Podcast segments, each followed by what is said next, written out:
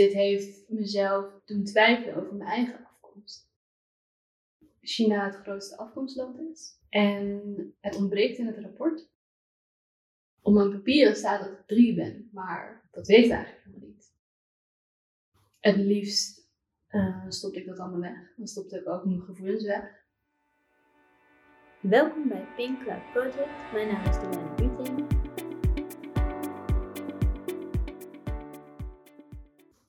Zou jij jezelf eens willen voorstellen? Jazeker. Mijn naam is Jemee. Ik ben 27 jaar.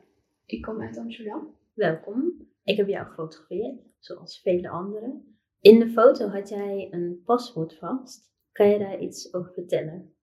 Jazeker. Ik heb die meegenomen omdat dat hetgeen is wat ik heb meegekregen, wat bij mijn papieren zat. En ik zelf geen andere foto's had.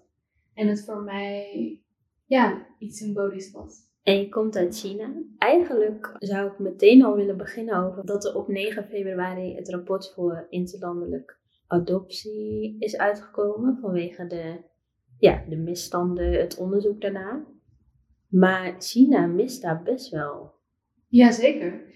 En dat is ook hetgene wat ik meteen ook heel bijzonder vond, of tenminste, hoe zeg ik dat goed, waar kritisch naar was. Omdat China het grootste afkomstland is. En het ontbreekt in het rapport. Um, er worden ook heel, ja, een soort van statistieken gegeven die dus aangeven dat Chinese geadopteerden heel weinig zoeken. Maar er wordt geen verhaal achter die statistieken gegeven. En nou ja, ik ben best wel onderzoekend en ik trok mijn twijfels daarbij. Omdat in mijn omgeving zijn mensen juist zeker geïnteresseerd in hun achtergrond. En ja, ik heb het idee dat dat veel meer te maken heeft met dat wij nog een vrij jonge, of relatief jonge adoptiegroep zijn. En dat het bewustzijn nog moet gaan komen. En vandaar dat wij waarschijnlijk niet in het rapport zijn meegenomen. Maar dat deze groep zeker belangrijk is. Zeker had moeten worden meegenomen. We hebben nog één belangengroep onder Chinees geadopteerden. Mhm. Die is wel, zeg maar, ze zijn nu aan het vormen. Alleen er is nog geen eenheid.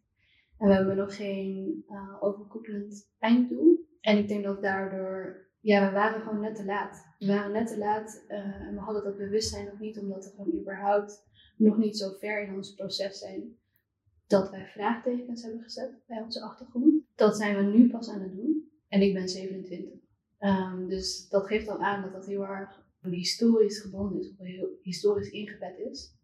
Omdat je daar volwassen voor moet worden je moet dus volwassen worden om dat beter te begrijpen. Waarschijnlijk ook ouder worden om überhaupt te willen gaan zoeken. Tenminste, daar zit gewoon wel een verband tussen. Ja. Tussen de leeftijd en ja, de mate waarin iemand wil gaan zoeken of gaat zoeken. En ik denk dat ja, het rapport sowieso op zichzelf natuurlijk. Ik heb daar hele gemixte gevoelens over. Want enerzijds ben ik ontzettend blij dat jullie, of tenminste de groepen die voor, die voor ons zijn gegaan, deze strijd hebben gevochten. En hebben laten zien en hebben laten inzien dat het adoptiesysteem heel erg verkeerd in elkaar zit. Daardoor ook een soort van het pad voor ons gebaand. En aan de andere kant ben ik heel verdrietig en heel boos omdat, omdat ik het gevoel heb dat, dat Nederland weer of de overheid weer een kans heeft laten liggen voor een groep die nog gaat komen. En dat het voor ons zo belangrijk was geweest als zij beter onderzoek hadden gedaan, ook naar ons. Omdat we zo'n grote groep zijn en er nog voor ons heel veel potentie ligt om heel veel verdriet uh, te voorkomen. Ja, en nu ga ik even hele stomme, nou ja, stom, maar een vraag stellen die wellicht bij mensen die geen verstand hebben van of adoptie of van China. Eigenlijk misschien ook wel iets wat ik zelf eerst dacht. Kan het ook zijn doordat bij China ook snel wordt gedacht aan de eenkindspolitiek. En dus dat, dat dan een soort van, ja, zeg je dat, dat dat als excuus wordt gebruikt van, oh, maar dan is het helemaal goed dat die geadopteerd zijn? Jazeker. En ik denk, uh, daarom weer ben ik ontzettend blij dat dit rapport, of tenminste, misschien moet ik een ander woord voor blij gebruiken, maar ben ik ontzettend dankbaar dat dit rapport uitgekomen is. Um, omdat het bij mezelf mijn ogen heeft doen openen dat het narratief wat mij verteld is. Ehm, en dat probeer ik nu ook naar anderen toe te vertellen en, en dat bewustzijn te creëren. Hoe belangrijk dat narratief is geweest en hoe dat mijn denkwijze heeft beïnvloed en hoe ik ben opgegroeid. Omdat er een heel eenzijdig verhaal is verteld. Ja. En dat eenzijdige verhaal ging dan heel erg over dat één-kindpolitiek. En dat ik de vondeling ben gelegd. En daarmee was de kous af. Als jij kind bent en dat de werkelijkheid is waarmee je opgroeit. En dat je met een werkelijkheid opgroeit dat het niet mogelijk is om je ouders te kunnen vinden. Ga het tegendeel maar bewijzen. Ga maar een bewustzijn creëren dat die werkelijkheid waarin je bent opgegroeid niet waar is mogelijk. Ja, dat vind ik heel belangrijk om, om in ieder geval zeker mee te geven aan mensen die dan vragen stellen bij Chinese adoptie. Ja. En heel erg, want dat is ook hetgeen wat, wat men weet als ze iets weten over Chinese adoptie. En dat is ook hetgeen wat mijn ouders wisten. Alleen er zit zoveel meer context achter en zoveel meer geschiedenis achter. Ja, het is geen eenheidsworst. Geen eenheidsworst wat in, in je kan niet alle, alle Chinese verhalen generaliseren over alleen maar één kindpolitiek. Er zit zoveel meer achter. Zoveel meer keuzes die zijn gemaakt. En ik denk dat dat is wel belangrijk om te begrijpen. En dat ben ik nu meer aan het begrijpen en nu voor mezelf een nieuwe waarheid aan het creëren. Ja, dat is wel echt heel belangrijk. En is het ook zo, ehm, ik weet niet of je daar zelf ervaring mee hebt of van, van andere verhalen in jullie groep, is, daar, is het ook echt zo dat veel te vondeling zijn gelegd en dat het daar ophoudt? Of is daar ook wel echt dat jij soort van, dat je nu uit ervaring weet dat dat dus niet altijd het einde is? In mijn omgeving zijn er meer mensen, meer geadopteerden die hun ouders vinden. Ehm, die dus het sterke narratief tegengaan. Dat het wel mogelijk is om ouders te vinden. Want het is natuurlijk ook, als jou wordt verteld, als kind, dat jij in de steek bent gelaten. En dat dat komt door één kindpolitiek. Dat er geen gegevens zijn. Ja, dan, dan is dat het. Dan kan je er niks tegen doen. Dat voelt zo, daar voel je je heel onmachtig in. Dat, dan, dat staat buiten je. Dus ja, de, de, de drang om te zoeken, dat, zeg maar, als, die was al opgegeven. Ja, het is ook een beetje een soort dooddoener of zo. Precies. En ik denk dat gelukkig zijn er Chinese geadopteerden die moedig genoeg zijn geweest om toch wel te gaan zoeken. En, en, en again, dat ligt um, ook weer misschien een deel aan leeftijd. Dat ze Mhm. oud genoeg zijn en wijs genoeg zijn en dat bewustzijn hebben gecreëerd dat, dat er toch misschien wel een mogelijkheid is. En ook een tegenbeweging natuurlijk uit China zelf, dat, dat daar een groter bewustzijn is gecreëerd. Dat de keuzes die zij vroeger hebben gemaakt, dat mensen spijt hebben van de keuzes die ze hebben gemaakt. En dat ze op zoek zijn naar hun kinderen. Ja, want dat is natuurlijk ook nog een kant die, die eigenlijk in elke adoptie vaak als allerlaatst, al dan niet vergeten wordt, of als allerlaatst wordt besproken. Zeker. Ja, ik denk ook wel, zeker toen het hele debakel over het debat losging, dan waren er twee mensen in het, of tenminste twee eenheden in het gesprek. Het ging over de adoptieouders, en het ging over de geadopteerden. Ja. Maar het ging niet over de biologische ouders. En heel vaak wordt die agency wordt weggehaald van biologische ouders. Terwijl eigenlijk zij ook een zeggenschap hebben of een verhaal hebben die er zeker toe doet. Nee, ja, zonder biologische ouders geen kinderen, dus eh, Ja, dat, ehm, nee, ja, dat, maar eigenlijk, we lachen hier natuurlijk om, maar dat is eigenlijk best wel bizar dat dat, ja, dat dat, dat vergeten wordt. Ja, dat dat toch vergeten wordt. Dat, dat is eigenlijk heel bizar. Maar dat zijn allemaal vooroordelen die ik ook zelf nog steeds wel een beetje heb. Is het ook zo dat er dus heel alleen meisjes dan vooral geadopteerd zijn? Of ook niet altijd? Ja, nou grotendeels eh, zijn het meisjes. En weer, dat ligt dus inderdaad aan de sociale en culturele geschiedenis. Mhm. Die in principe heel complex is. Ja. Ehm, is een traditie dat de ideologie is sowieso een jongen. En het liefst eigenlijk ook nog een meisje. Die combinatie is heel sterk in China. Oké. Ehm, dus heel vaak willen ouders nog wel, of tenminste dan kunnen ze het zich nog wel veroorloven om de tweede moeten te betalen, maar niet een derde. Dus heel vaak zie je dus inderdaad dat eh, meisjes, als het toch een derde kind zijn of een tweede kind, dat ze worden afgestaan. Nee, je zegt ook, de, de geschiedenis is super complex. En dat, volgens mij is dat bij elk land, speelt dat een grote rol. Maar ik heb ook het idee dat bijvoorbeeld adoptie-agencies of wat voor persoon dan ook, dat die daar ook wel echt op in zijn gaan haken. Zo van, oh, hier is een opening, hier is bijvoorbeeld een issue. Ja, een klein beetje een soort van white savior. Gaan we daar een soort van misbruik van die cultuur maken, waardoor het dus lijkt alsof die cultuur niet oké is. Maar ja, je, zonder het een kan je het ander niet doen. Ja, absoluut. Ik denk dat, ehm, en zeker dat heeft weer met dat grotere bewustzijn te maken met internationale adoptie. Dat we gewoon steeds meer begrijpen dat, dat context heel belangrijk is. Ieder, iedere adoptiegroep heeft een heel ander verhaal. Is heel erg ingebed in een andere context. Dus het verhaal van Sri Lanka is heel anders dan het verhaal van China. Ja. En, en dat is natuurlijk, maar wij hebben adoptie met elkaar gemeen. Maar waar we vandaan komen zijn hele andere culturen en een hele andere geschiedenis.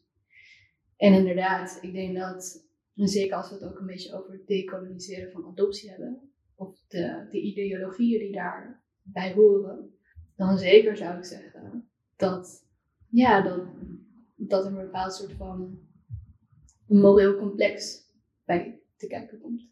Ja, we hebben nu ook al een paar keer uh, genoemd dat, nou ja, dat de context groter moet dat het een hele complexe geschiedenis is van, ja, van meerdere punten. Ik denk dat dat dus ook, uh, wat jij ook van tevoren aangaf, dat dat heel belangrijk is, dat, dat daar dus over gesproken wordt door degene die het meemaken.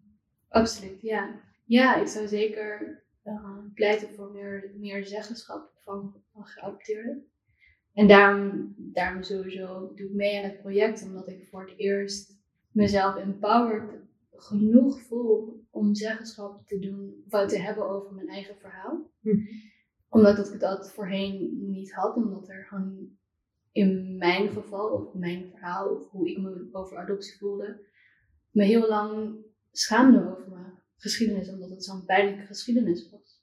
Het liefst uh, stopte ik dat allemaal weg. Dan stopte ik ook mijn gevoelens weg. Het maakte voor mij het makkelijker om het weg te stoppen en het niet over mijn adoptie te hebben. Ehm, dan het er wel over te hebben. Nu natuurlijk een groot maatschappelijk debat is geworden en weer. En het ook op dit moment mezelf betreft natuurlijk.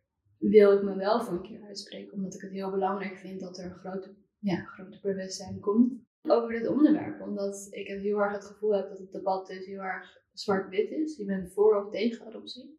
Voor of tegen internationale adoptie. Meer keuzes zijn er niet. En ehm, die nuance valt dan weg. En ik denk dat zeker in het debat zijn er gewoon veel meer nuances. En in dit geval kunnen er ook twee realiteiten met elkaar leven. Aan de ene kant ben ik ontzettend blij dat ik hier ben. En dat ik kansen heb gekregen die ik misschien niet had gekregen. Maar aan de andere kant ben ik ook ontzettend verdrietig. Denk ik dat, of tenminste heb ik het gevoel dat ik heel erg word weggezet.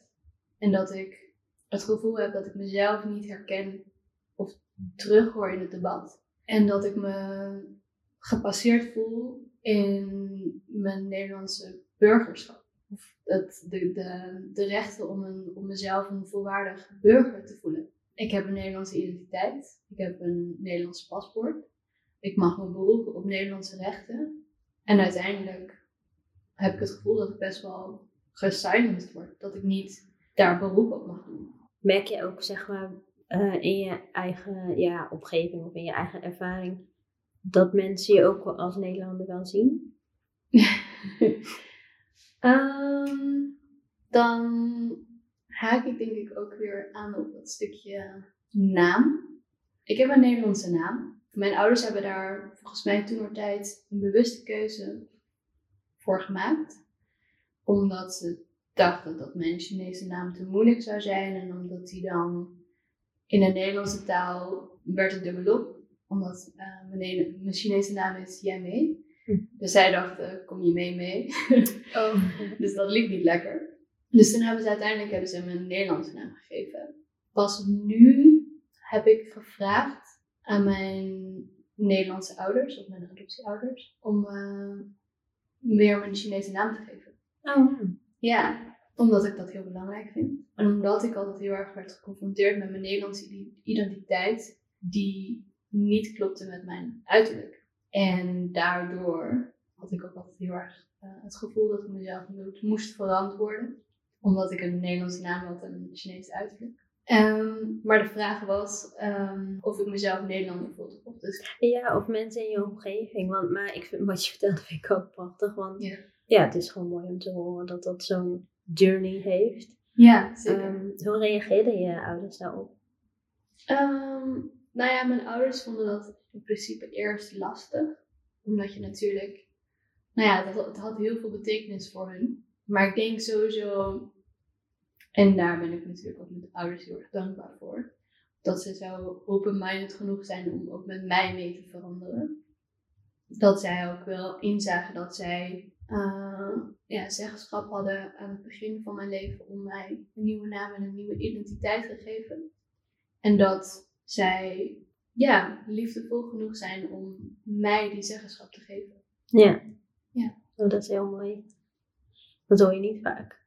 Dus dat is eh, heel fijn. Ja, ik denk sowieso dat natuurlijk met het hele debat of het hele maatschappelijke debakel. Dit heeft ook heel veel losgemaakt bij mij en mijn ouders natuurlijk. Ja. Want opeens aan de keukentafel moesten we het hebben over best wel moeilijke onderwerpen. En ik denk dat dit belangrijk is dat als ouders of als aspirante ouders of adoptieouders een traject ingaan, dat ze eigenlijk heel weinig informatie krijgen over de achtergrond en de complexiteit van adoptie. Nou ja, bijvoorbeeld dat ik vraag mij af of er bijvoorbeeld een uitleg wordt gegeven over naamkeuzes. En wat dat doet met iemand.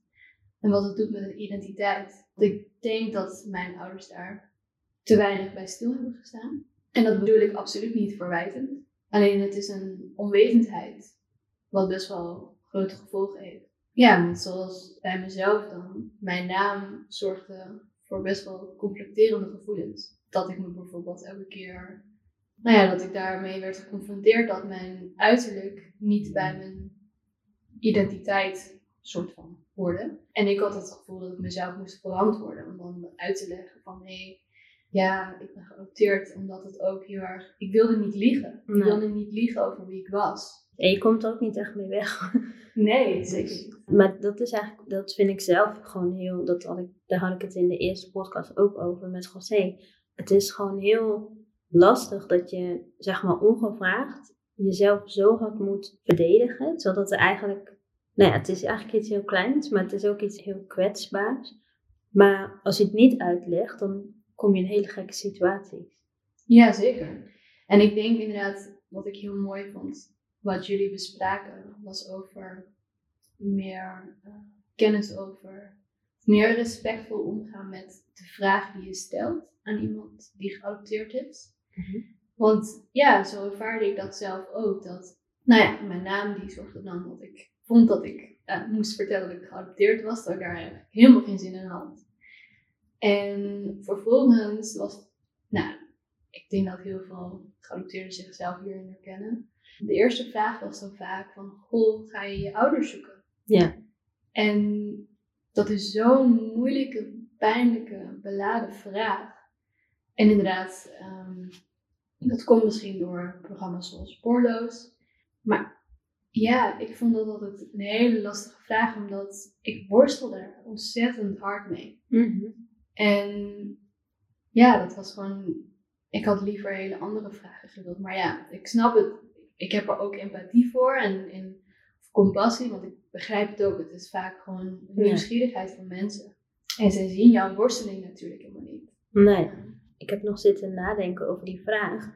Want ehm, we hadden het daar inderdaad ook eerder over. En nou ja, waarschijnlijk gaan we het hier altijd over hebben. Want dit is gewoon een onderwerp wat altijd zo is. Maar als je heel goed nadenkt, dan eh, wordt er steeds meer bewustzijn gecreëerd voor als je bijvoorbeeld geen kinderen kan krijgen. Dat je niet meer zomaar aan mensen gaat zeggen van goh, dat je niet meer aan mensen de vraag gaat stellen van goh, eh, nou ja, wanneer gebeurt het een keer? Omdat dat heel pijnlijk is en mensen zien vaak ook niet daar de struggle als, ze, ja, als je niet zwanger kan worden. Maar dat is dus eigenlijk gewoon exact hetzelfde bij geadopteerden. Want die vraag van ga je ook zoeken, er wordt dus niet bij nagedacht dat dat soms gewoon niet kan of niet lukt. Ja, of dat iemand al jarenlang aan het zoeken is. Ja, En ik denk dat heel veel mensen natuurlijk niet begrijpen hoeveel dat, hoeveel dat teweeg brengt bij iemand. Want ik denk als ik, als ik naar mezelf kijk en mijn eigen verhaal, was het voor mij makkelijker om het in een doofpot te stoppen. En inderdaad om het hoofdstuk te sluiten en te zeggen, oké, het is voor mij niet mogelijk. Het was misschien voorheen ook wel makkelijker, omdat ik dus inderdaad opgroeide met een narratief van dat het niet mogelijk was. En dat daardoor, door, ons, eh, door, door de context, dat het makkelijker was om dan misschien verder te gaan in je proces. Omdat het, ja, dan hoefde je niet dat je, een heel onzeker pad op te gaan. Het vergt gewoon heel veel emotionele moedigheid om dat boek weer te openen. En het hoofdstuk te openen. En op zoek te gaan naar je ouders. Ik zou eigenlijk misschien nog iets meer dingen over China willen weten. Want dat is naar mijn mening dus nog steeds best wel onbekend. Dat als ik zelf nadenk over China, ik weet er echt. Nou ja, alleen de dingen die ik net zei, zeg maar, meisjes, de vondeling, daar houdt het dan een beetje mee op. En dat één kind zijn. In het algemeen is dat het grote verhaal. Absoluut. En nou ja, ik ben zelf pas begonnen met mezelf inlezen en mezelf onderwijzen in wat dan die geschiedenis is van China. Omdat die gewoon super groot en complex is. Ja. En ik heb net een boek gelezen van Maarten van Woensing. En dat eh, heet Waarom China mijn twee dochters heeft geschonken, geloof ik. Ik weet niet helemaal wat de titel is, maar in ieder geval, dat, is, eh, dat is ongeveer wat de titel is. En dat is een super mooi, mooi verhaal eh, van een vader die dan twee Chinese dochters heeft geadopteerd. En die een heel mooi verhaal heeft geschreven over de geschiedenis van China. En daar gaat het heel erg over dat natuurlijk, initieel gaat het over de eenkindpolitiek. Maar het gaat ook vooral over alle complexe dingen ja, die daarachter zitten. En de keuzes die zijn gemaakt en ook vooral een empathie die wordt gecreëerd van, voor zijn dochters misschien naar hun eigen ouders toe. Dat zij beter begrijpen waarom hun ouders misschien de keuzes hebben gemaakt die ze hebben gemaakt. Want vroeger bijvoorbeeld uh, ben ik heel lang boos geweest. Ik ben heel boos geweest op dat mijn ouders mij hebben gekregen. Hm. Uh, want ik had zoiets van, dat had je ook kunnen voorkomen. Ja. Hoe moeilijk is dat? Mhm. Um, en dat, ja, dat, dat, vergeef ik mezelf, omdat ik natuurlijk, ja, ik was een kind en ik kon niet, ik kon niet beter begrijpen dan Mhm. ik dat begreep. Ja. Alleen nu, omdat ik inderdaad beter wil begrijpen waar mijn ouders vandaan komen en waarom ze de keuzes hebben gemaakt die ze vroeger hebben gemaakt, vond ik het heel mooi om, om dat zo te lezen. Om te lezen dat het natuurlijk zoveel groter is en dat um, zij in een hele andere wereld leven, waar dus hele andere keuzes worden gemaakt. En dat goed en fout heel relatief is. En dat ik ook daardoor begrijp dat als ik in China was opgegroeid, een heel andere wereldbeeld had gehad. En misschien precies dezelfde keuzes had gemaakt als dat die, ja, die mijn ouders hebben gemaakt. Mhm. Omdat ik niet beter weet. Nee, precies. Ja, deze uitleg geeft ook al inderdaad zoveel meer inzicht. Ja, tegenwoordig wordt er wel veel meer ook dieper naar bepaalde onderwerpen gekeken. Rond de jaren 90 begon adoptie uit China. Dat de piek ongeveer rond 2000 lag. Oh. Dus de adoptiepiek. En um, ik kom zelf uit 97. Tenminste, toen ben ik geadopteerd en toen was ik al drie. En dat dus de grootste groep nu begin 20 is. Ja, uh, toen ik 20 was, dacht ik dat ik alles wist. ja. Maar ik wist nog helemaal niks. Nee. En dan ben je eigenlijk ook net pas uit de puberteit, waar je heel veel ja, struggles hebt met je identiteit. Überhaupt natuurlijk. Mm -hmm. Dus je zit überhaupt nog een hele kwetsbare, vormende periode van je leven. Ja. Waar je misschien gewoon wel minder reflectief nog bent. Zeker. En minder kritische vragen stelt natuurlijk. Die ik nu wel kan stellen. Is het gebruikelijk dat kinderen zeg maar rond de drie jaar zijn in, vanuit China of ook baby's? Ja, in China is dat heel verschillend. Of heel erg uiteenlopend. Het kunnen echt baby's zijn die een paar dagen oud waren. Um, maar het kunnen ook wel echt al oudere kinderen zijn. In de zin van, drie was wel volgens mij de max. Okay. Alleen, als we het hebben over adoptiebedrog of adoptiemisstanden, dan is daar zeker wel mee gesjoemeld met leeftijden. En dat is ook wel gewoon bekend onder uh, Chinese geadopteerden. En ook natuurlijk andere geadopteerden. Ja, precies. Uh, ik weet dat er in Indonesië ook veel kinderen waren die, waarbij de leeftijd ook soort van nu een vraagteken is van goh, zijn ze niet toch iets ouder? Soms vraag ik me ook af of dan de Aziatische looks daar soort van een voordeel in, in speelden voor ja, wensouders of, of agencies of whatever, dat ze soort van konden doen dat ze nog jonger waren, omdat ze, ja, het klinkt heel stom, maar gewoon nog jonge, of, ja, jonge uitzien in vergelijking tot het Westen. Ja, zeker. Ja, en nou ja, misschien dat we dan nu een brug kunnen maken natuurlijk naar de vragen die ik zelf stel bij het rapport. En nou ja, het rapport heeft laten zien dat er allemaal misstanden hebben gespeeld en dat het adoptiesysteem gewoon niet goed in elkaar zit. En dat er ook te weinig controle was. En nou ja, dat, dit heeft mezelf doen twijfelen over mijn eigen.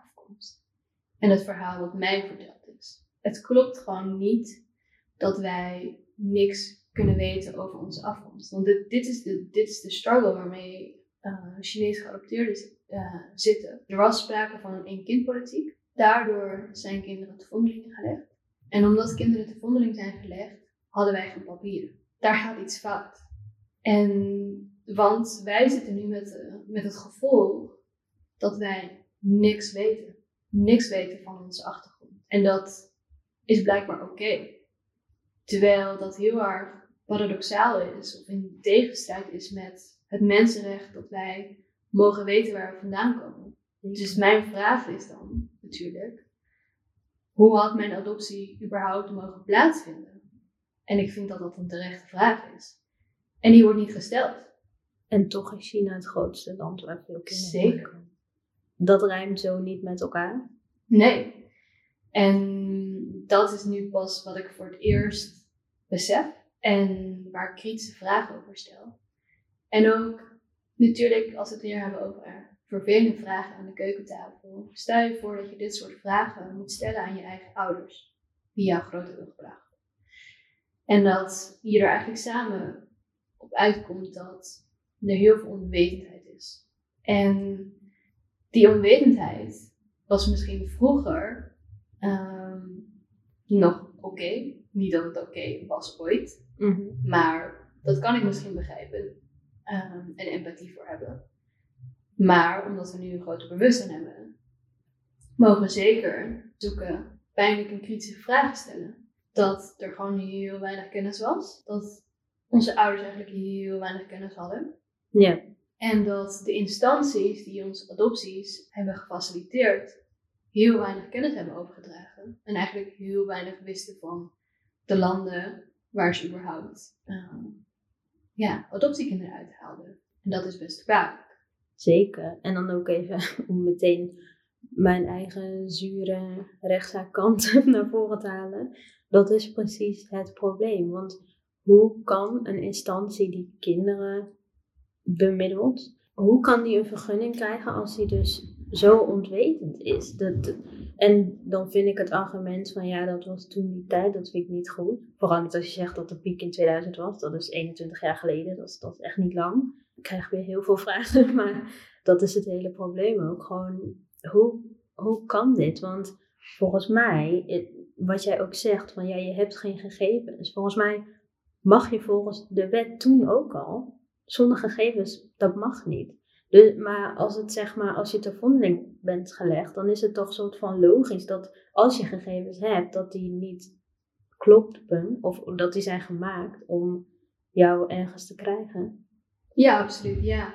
Nee, en ik denk dat ook gewoon, want dit, dit heeft natuurlijk met dat wij gewoon nu kritischer kijken naar zowel de zendlanden als natuurlijk Nederland op zichzelf. Dat er twee partijen waren die keuzes hebben gemaakt.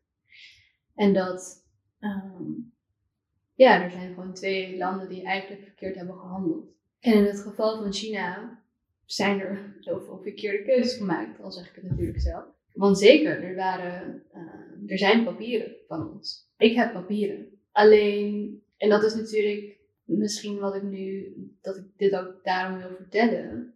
Stel je voor dat je een rapport moet lezen en die laat zien dat het 50 jaar lang verkeerd is gegaan. Een adoptiesysteem die eigenlijk, het gaat over kinderen. Ja. Ehm, die belangen van kinderen hadden moeten behartigen en beschermen. Vooral het laatste misschien, beschermen. En dat is niet gebeurd. En vervolgens ben jij geadopteerd, Chinees geadopteerd. En nu hou ik het uh, eventjes uh, over Chinees geadopteerden. Dat je niet in een rapport staat. En dat jij, dus naast het feit dat je vragen hebt over je afkomst, weet je ook nog een keertje niet of jouw adoptie legaal heeft plaatsgevonden. Of dat het überhaupt had mogen plaatsvinden. En vervolgens val je in een gat.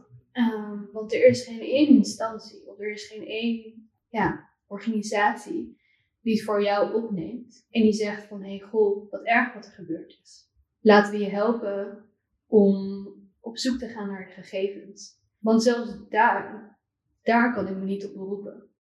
Waren er in jouw omgeving veel mensen die niet wit waren? Of nou ja, wit, je bent ook natuurlijk niet heel donker, maar gewoon, ja, westers wit.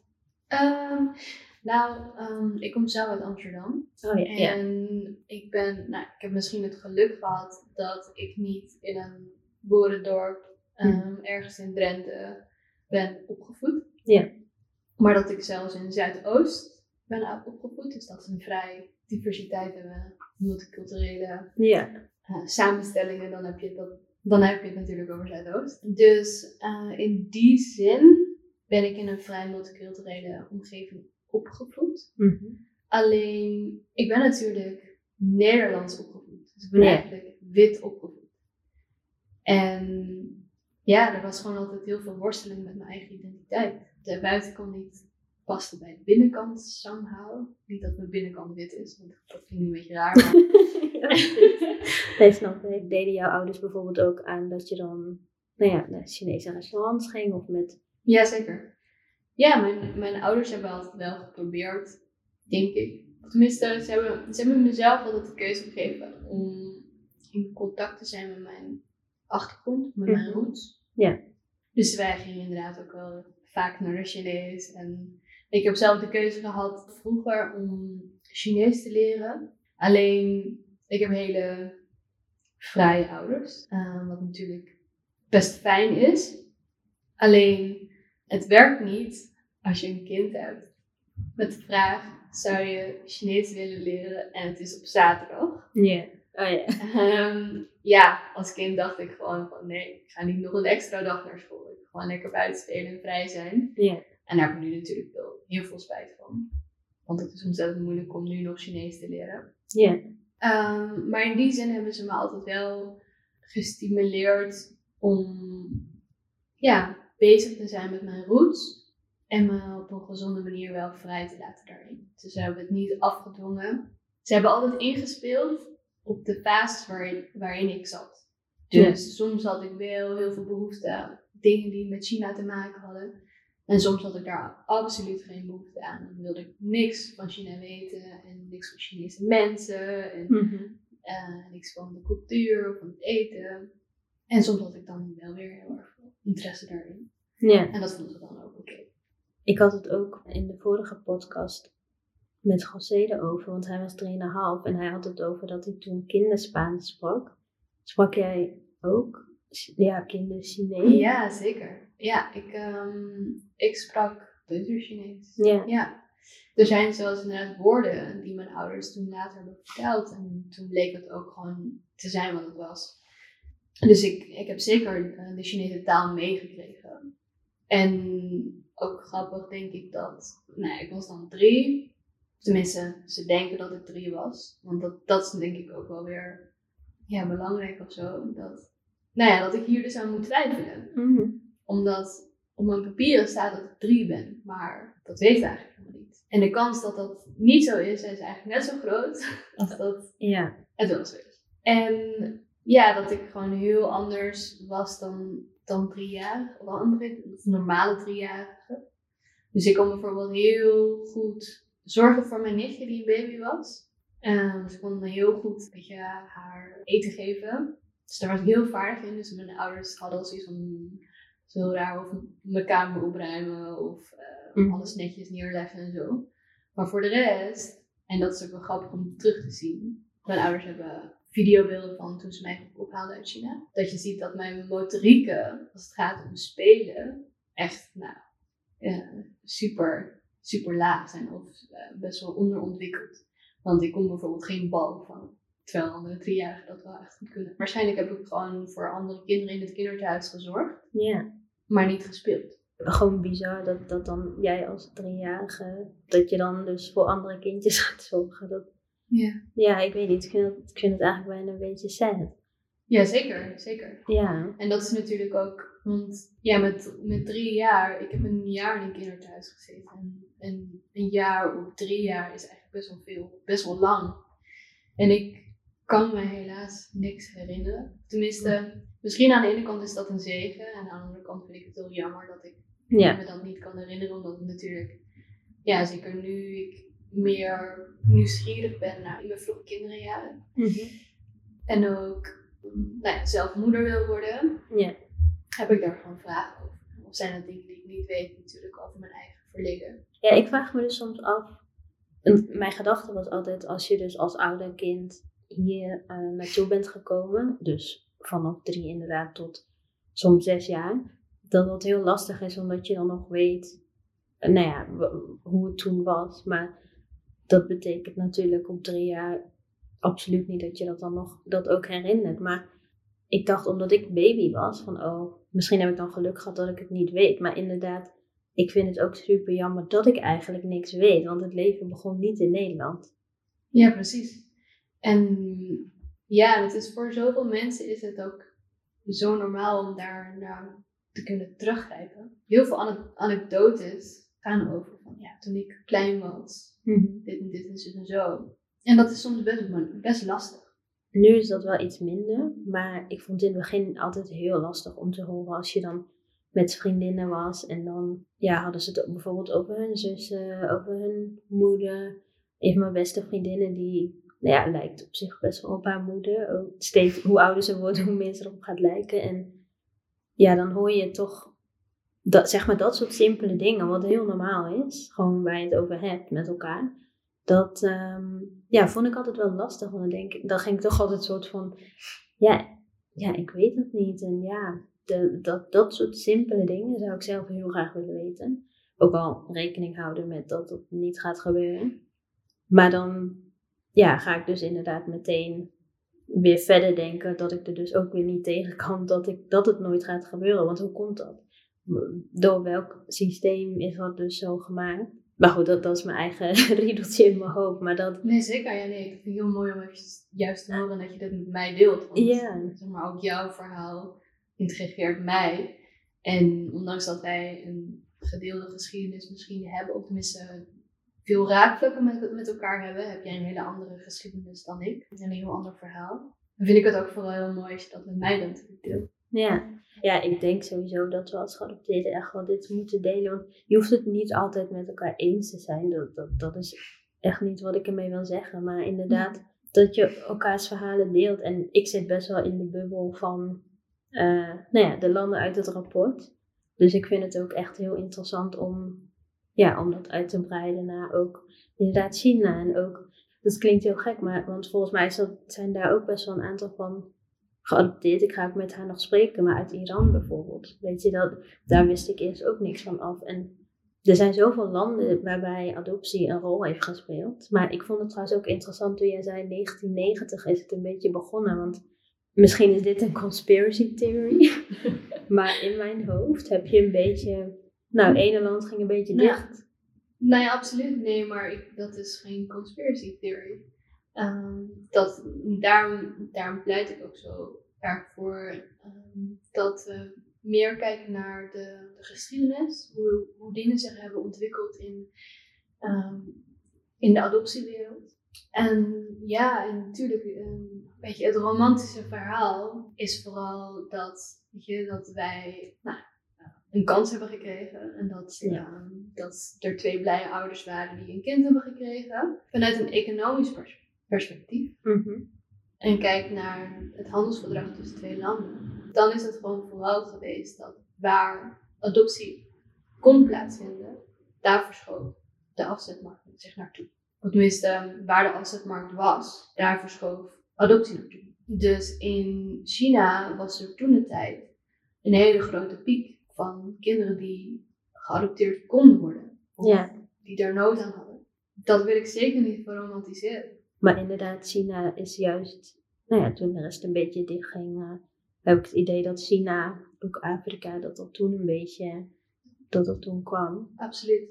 Ja, en ik denk dat ook vooral dat er veel meer kennis moet komen over natuurlijk wat er zich heeft afgespeeld bij het Haagse adoptieverdrag. En dat je ziet dat daar, tenminste dat dat een verschuiving heeft eh, doen laten plaatsvinden. Ja. En wat de afkomstlanden waren. Ja, en ze zeggen ook vaak sinds dat Haagse adoptieverdrag, dat het dus toen helemaal goed geregeld was. Maar dan vind ik het juist zo bijzonder, tussen aanhalingstekens, dat er toen ook gewoon heel veel vervalste papieren zijn. Want het feit dat je papieren hebt, wat we ook al bij jou zeiden, wat bijna, ja, bijna misschien niet eens kan, maar het feit dat je papieren hebt zegt niks. Want iemand, een 16-jarige met een nep-idee, heeft een idee, maar is nep. Maar heeft wel een papiertje bewijzen van. Dus dat zegt echt helemaal niks. Ja, dat, dat zegt niks over de inhoud van wat je dan hebt. Nee, absoluut niet. En ik denk dat, ik bedoel, het Haagse adoptieverdrag is, is getekend voor een reden. Maar ja, in mijn ogen is dat symbolisch geweest. Ja. En vervolgens is gewoon hetzelfde gebeurd, maar dan in een ander jasje. En ja, want in principe inderdaad, als men zich had gehouden aan het Haagse adoptieverdrag. En inderdaad, het belang, zeg maar, de belangen van het kind echt voorop hadden gestaan. Ja. Dan had ik hier waarschijnlijk niet gezeten. En dat is een pijnlijke conclusie, maar dat is wel waarvan ik denk, hmm, oké. Ja. En het lastige is, is dus dat, dat de, de last eh, ligt op de schouders van de geadopteerden. Want wij moeten uitzoeken of dat klopt, ja of nee. Of dat onze adoptie legaal is, ja of nee. En dat kunnen we pas als we onze ouders hebben gevonden. In het geval van een nu Chinees geadopteerde. Precies. Ja, want niemand anders gaat het voor je doen. Nee, absoluut niet. Nee. Nee. Wat zou jij willen meegeven aan mensen die nog niet zoveel weten over adoptie? Wat, wat vind jij belangrijk om nog soort van de wereld in te brengen van mensen die niks weten of die bijvoorbeeld nog dat romantische beeld hebben? Ehm, wat ik vooral zou willen meegeven, en ik denk dat ik me dan aansluit bij de mening van José, Hm. zijn naam. En wat ik heel mooi vond, is dat mensen vooral moeten luisteren. Luisteren wat wij te vertellen hebben. En luisteren naar ons verhaal en daar ons de ruimte in geven. Wat ik mis, is, of wat ik heb gemist in mijn jeugd, is mensen die mij erkenning geven. Maar voordat je me erkenning kan geven, moet je eerst naar me luisteren. En dat adoptie gewoon heel lastig is. En heel complex is en heel pijnlijk is. En daarin ben ik nu op een punt in mijn leven dat ik me dus sterk genoeg voel om me emotioneel kwetsbaar op te stellen daarin. Want dat ben ik ook heel lang niet geweest. En nu ben ik op een leeftijd of in een levensfase waarin ik voor het eerst mijn verhaal durf te delen en te zeggen: dit is mijn verhaal en dit is hoe ik me erover voel. En dat kan, ja, dat is anders dan toen het was, maar ook, het gaat misschien in de toekomst ook weer anders zijn. Dit is hoe ik me er in ieder geval nu over voel. Wat ik ook wel vaak meekrijg is dat mensen dan denken van ja, maar het is een trauma geweest. En zet je, daarover, zet je daar overheen. En dat zou ik echt met alle liefde willen doen. Echt, echt, echt heel graag. Zodra je weet hoe dat moet, let me know. Ja.